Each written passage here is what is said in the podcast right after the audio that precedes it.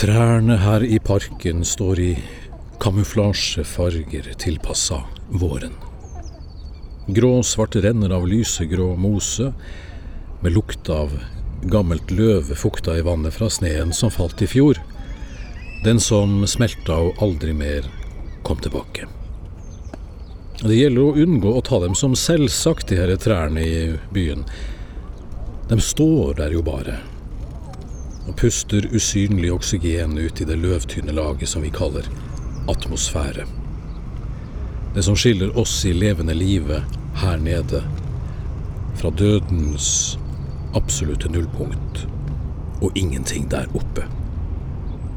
Den himmelen som tilsynelatende er blå, men det er speiling av oss sjøl vi ser. I virkeligheten så er evigheten dyp og svart og uendelig og tom og fæl. Når trærne puster ut oksygenmolekyler og spiser karbondioksid og er levende legender. De har vært her i 385 millioner år. Så de har en viss erfaring.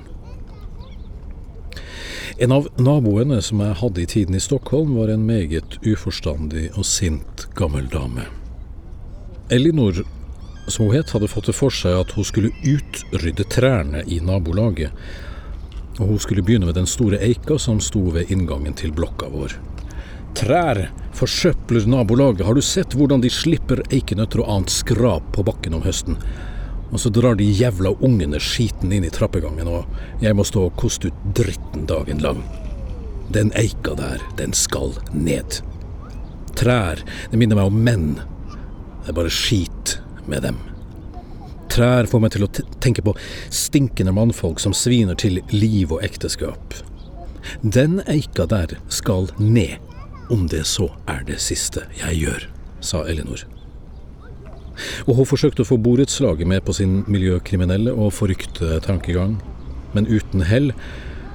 Og vi snakka aldri sammen etter det.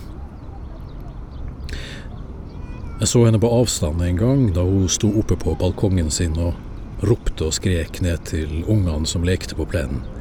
Hun skreik at de måtte til helvete se til å komme seg vekk. De tråkka på påskeliljene hennes, hylte hun.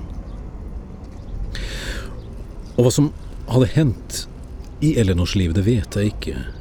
Men hva det nå enn var, det ble nok verre med årene. For det er noen som blir sånn. Trærne som de hater, står bare stumme tilbake, forstår ingenting, bare hører på, bare absorberer. Og det Elinor på sin side aldri kunne forstå, var at jo mer hat hun pusta ut, jo mer fornøyd var eika i oppkjørselen. Den leppjet i seg karbondioksid fra de sinte lungene hennes. Pusta taktfullt ut oksygen tilbake. For slik er fotosyntesen. Men slike som Elinor vil aldri kunne forstå seg på trær.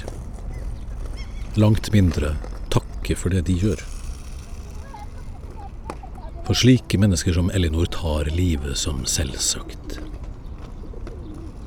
Jeg kan ikke få takka trærne nok. Takk for at dere står der tålmodig og pustende. Dere står der bare og gir støtte og ly. Her i parken på Tøyen om dagen så, så traff jeg den franske grevinnen igjen. Jeg hadde begynt å bli bekymra for henne. Jeg ikke, hadde ikke sett henne i hele vinter. Men nå satt hun der på bakken ved rota av det store treet foran meg. Ryggen lent mot trestammen og sa Ah, det er uh, Hva heter det på norske språk? Uh, le printemps Ja, våren, grevinne. Det heter våren, sa jeg. Ja, våren. Den franske grevinnen lukka øynene. Håndbaken på venstrehånda var skitten. Jeg kunne se at hun hadde gravd i søppelkassene igjen. Den franske grevinnen er deleier i et storgods i utkanten av Chateau Thierry, men hun røk uklar med sin gemal, den franske greven, på 60-tallet en gang etter en premierefest. Det var noe med Jean-Paul Belmondo. Hun hadde bomma en sigarett av Jean-Paul Belmondo. Ja, sånn, sånn var det. Jeg har jo fått hele historien før. Og så hadde den franske greven kommet over dem og misforstått hele situasjonen, kjørt hjem og låst grevinnen ute. Og aldri åpna for henne mer. Og nå sparer hun til søksmål og bor her på Tøyen. Har du en tier? spør den franske grevinnen.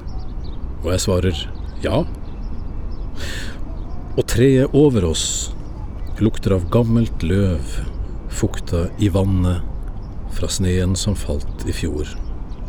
Den som smelta og aldri mer kommer tilbake.